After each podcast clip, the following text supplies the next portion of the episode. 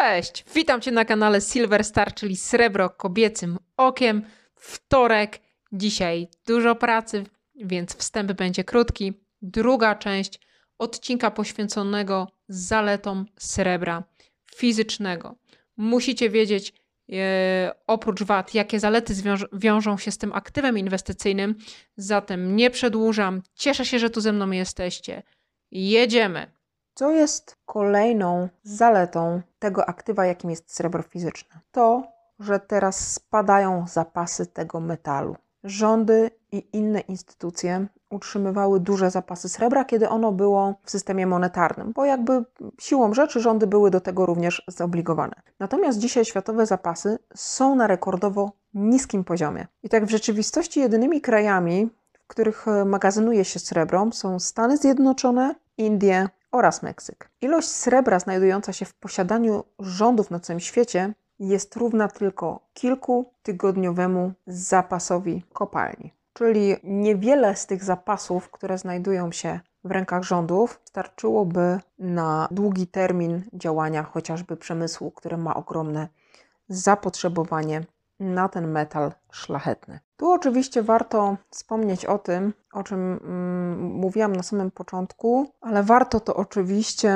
jeszcze raz powtórzyć, że zastosowanie przemysłowe srebra rośnie. I możecie wierzyć lub nie, ale bardzo ciężko jest y, przejść na przykład podczas jednego dnia bez produktu zawierającego srebra. Od oczywiście mm, branży elektronicznej, czyli naszych telefonów, laptopów i innych rzeczy, poprzez baterie czy panele słoneczne. Srebro jest po prostu wszędzie, niezależnie od tego, czy my je widzimy, czy nie. Ze względu na, na te rzadkie cechy, ta liczba przemysłowych zastosowań srebra właśnie gwałtownie rośnie z roku na rok. I w rzeczywistości przemysł pochłania teraz ponad 40% według starych badań, ale Coraz to nowsze badania mówią, że zbliżamy się do, do zastosowania w przemyśle ponad 50% całego popytu na srebro, co możecie zobaczyć na wykresie.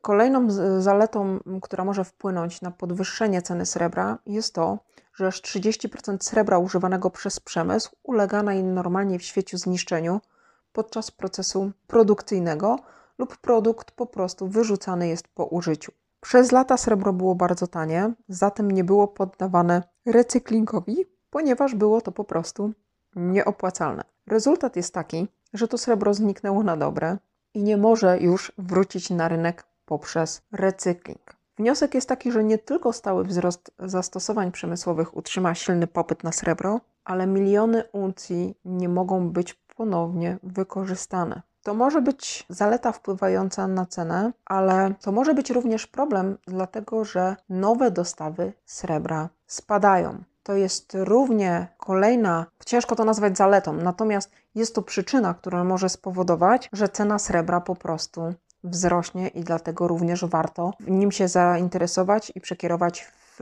w to aktywo jakąś swoją gotówkę. Warto wspomnieć o tym, że oprócz tego, że mas masy srebra nie odzyskujemy w recyklingu, czy przez lata nie odzyskiwaliśmy, dlatego że było strasznie tanie i po prostu recykling był nieopłacalny, warto pamiętać również o tym, że nowe dostawy srebra spadają. Cena srebra spadła po osiągnięciu szczytu w 2011 i przez następne 5 lat spadła aż o 72% ponad. Czyli nie trzeba być naukowcem, żeby wydedukować, że górnicy musieli walczyć o obniżenie kosztów, aby osiągnąć zysk. Jednym z dramatycznie wyciętych obszarów była eksploracja i rozwój nowych kopalni srebra. Wniosek: jeśli wydasz mniej pieniędzy na poszukiwania srebra, znajdziesz mniej srebra. Zatem możemy po prostu przewidywać, że zapotrzebowanie rośnie, a mimo to wydobycie z 10 największych krajów produkujących srebro po prostu spada. Możecie zobaczyć to na wykresie że to wydobycie spadło mocno w ciągu ostatnich czterech lat. Częściowym wyjaśnieniem tego spadku jest to, że około 2 trzecie podaży srebra pochodzi z ubocznej operacji na metalach szlachetnych, czyli przykład KGHM-u, miedź i cynk ale ci górnicy wydali również mniej na rozwój kopalń, co oznacza, że będą produkować mniej srebra. W międzyczasie niskie ceny srebra wpłynęły również na ilość dostępnego złomu, o czym już rozmawialiśmy, i motywacja do zwracania złomu, czyli do recyklingu, jest mniejsza, dlatego że cena jest niższa. I teraz Kolejna ważna rzecz, która może wpłynąć na wzrost ceny, to może to nie jest jakaś zaleta stricte metalu fizycznego, ale warto o tym powiedzieć, że światowe zapotrzebowanie na metal zwany srebrem rośnie. Wszystkie główne mennice podczas pandemii, nazwijmy to w ten sposób, żeby nie używać magicznej nazwy, wszystkie mennice odnotowały rekordowe poziomy sprzedaży dlatego że ludzie w panice i w strachu próbowali część swoich oszczędności przerzucić kapitałem właśnie w metale szlachetne, a większość z tych mennic już osiągnęła szczytowy poziom produkcji. Rosnący popyt nigdzie nie jest bardziej widoczny niż w Chinach. To jest gigantyczny rynek, ma długą historię kulturowego pokrewieństwa z metalami szlachetnymi, zarówno ze złotem, jak i ze srebrem. Chiny mają też dosyć dobrą demografię, w przeciwieństwie do Europy Zachodniej w związku z tym tam przemysł, wszystko się rozwija i zapotrzebowanie na srebro również będzie rosło, co będzie powodowało oczywiście ssanie na metal i wzrost ceny w perspektywie najbliższych lat. Wniosek: gdy gwałtowny popyt spotka się z ograniczoną podażą, cena srebra pójdzie mocno, mocno w górę. Kolejną istotną sprawą to jest tak zwany gold-silver ratio Stosunek złota do srebra faworyzuje w tym wypadku srebro. W XX wieku stosunek złota do srebra wynosił średnio 47 do 1. Od 1968 roku jest to średnio 56 do 1. Więc stosunek powyżej tego poziomu sprawia, że srebro jest dobrym zakupem w stosunku do ceny złota. Wskaźnik ten spadł prawie do 30 w szczycie hossy w 2011 roku. Osiągnął zaledwie 14 na początku 1980 roku. Pamiętacie odcinek o magnatach srebra, czyli o braciach Hunt? Jeśli nie, to zapraszam Was, macie link w opisie, obejrzyjcie ten odcinek, bo ja widzę w tym czasie, w, tym, w tej historii braci Hunt wiele analogii do czasów dzisiejszych. Ale wracając do tematu, wskaźnik Gold-Silver Ratio, tak jak mówiłam, Spadł prawie do 30 w szczycie Hossy w 2011, a osiągnął zaledwie 14 na początku 1980 roku. I to pokazuje, jakie srebro ma szanse na wzrosty cenowe. Inaczej mówiąc, srebro jest najzwyczajniej w świecie niedowartościowane względem złota. Kolejną mocną stroną tego aktywa jest to, że duzi gracze też inwestują w srebro. I tutaj dla mnie taką instytucją flagową jest JP Morgan. Poruszałam e, temat JP Morgana w wadach srebra. Jeśli nie oglądałeś tego odcinku, to również Cię do niego zapraszam. JP Morgan, wykorzystując dwojakość tego aktywa, że jest to aktywo, na której jest ekspozycja papierowa i ekspozycja mm, fizyczna, potrafi tak sprawnie manipulować kontraktami terminowymi CFD na srebro, żeby jak najbardziej zaniżyć cenę na Komeksie, a w tym samym czasie po prostu jak najwięcej zakumulować tego metalu w formie fizycznej. Jest to największy gracz pod kątem zakumulowanej ilości srebra fizycznego.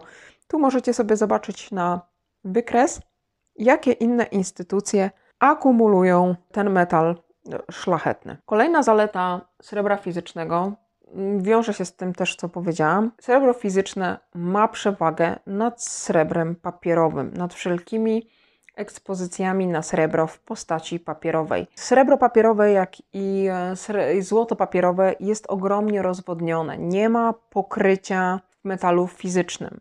To jest tylko obietnica bez pokrycia na papierze. Natomiast, tak jak mówiłam, Metal fizyczny to jest coś, na co nie masz roszczenia, nie masz dokumentu, nie musisz się zastanawiać, ktoś, czy ktoś wypełni, mm, jakiś broker, wypełni Twoją obietnicę. Masz to w ręku i nikt Ci tego nie zabierze. Także jest to kolejna zaleta kruszcu fizycznego nad papierowym. Srebro to także doskonały hedge inflacyjny. Hedge z angielskiego przewaga to jest coś, co daje przewagę, kiedy są rzeczywiste ujemne stopy procentowe i kiedy mm, waluty papierowe tracą na, w, na wartości.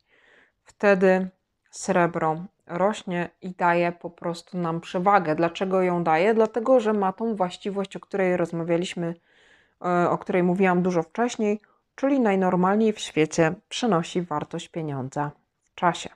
I ostatnia zaleta, jak dla mnie e, bardzo istotna, srebro fizyczne idealnie dywersyfikuje portfel inwestycyjny. Ja popełniłam w tym roku jeden taki odcinek na swoim kanale Aktywa 2021 Must Have. Jeśli nie widziałeś, to Cię do niego zapraszam. Uważam, że w tym otoczeniu, w tym roku, w roku 2021, nasz portfel inwestycyjny powinien składać się z kryptowalut na, z ekspozycją na Bitcoina i Ethereum oraz z metali szlachetnych pod postacią właśnie złota i srebra oraz tam w mniejszym procencie z gotówki. Srebro i złoto super równoważą nam aktywa o wiele bardziej ryzykowne. Metal szlachetny w postaci fizycznej e, jest aktywem bardzo, bardzo spokojnym. Z nim się nie wiążą ogromne wahania jak na rynkach finansowych. Także warto je uwzględnić jako po prostu element swojego portfela inwestycyjnego i ekspozycję na, jedno, na jedną po prostu z aktywów, jakim są metale szlachetne. I to by było właściwie na tyle. Patrzę, czy jeszcze gdzieś coś może na kartkach, notatkach sobie zapisałam, ale wydaje mi się, że nie, że chyba poruszyliśmy zupełnie wszystko, co można było poruszyć. Jeśli ty, mój widzu drogi, oglądasz ten odcinek i masz z tyłu głowy jeszcze jakieś zalety srebra fizycznego, to proszę cię, podziel się ze mną i z widzami swoimi spostrzeżeniami w komentarzu. To będzie nam fajnie dopełniało te dwa odcinki i sprawi, że ta wiedza będzie po prostu pełniejsza. A ja za dzisiaj bardzo serdecznie Wam dziękuję. Myślę, że kawał ważnej merytoryki za nami. Ważne, żeby ludzie, którzy nie mają jeszcze do czynienia z metalami szlachetnymi, obejrzeli sobie ten odcinek i zapoznali się z tym kontentem i również z Waszymi sugestiami. A my widzimy się już w czwartek na kolejnym rozpakowaniu. Zobaczymy, co nam tam przyniosą szczęśliwe paczki. Dziękuję, serdeczności, najlepszości. Cześć!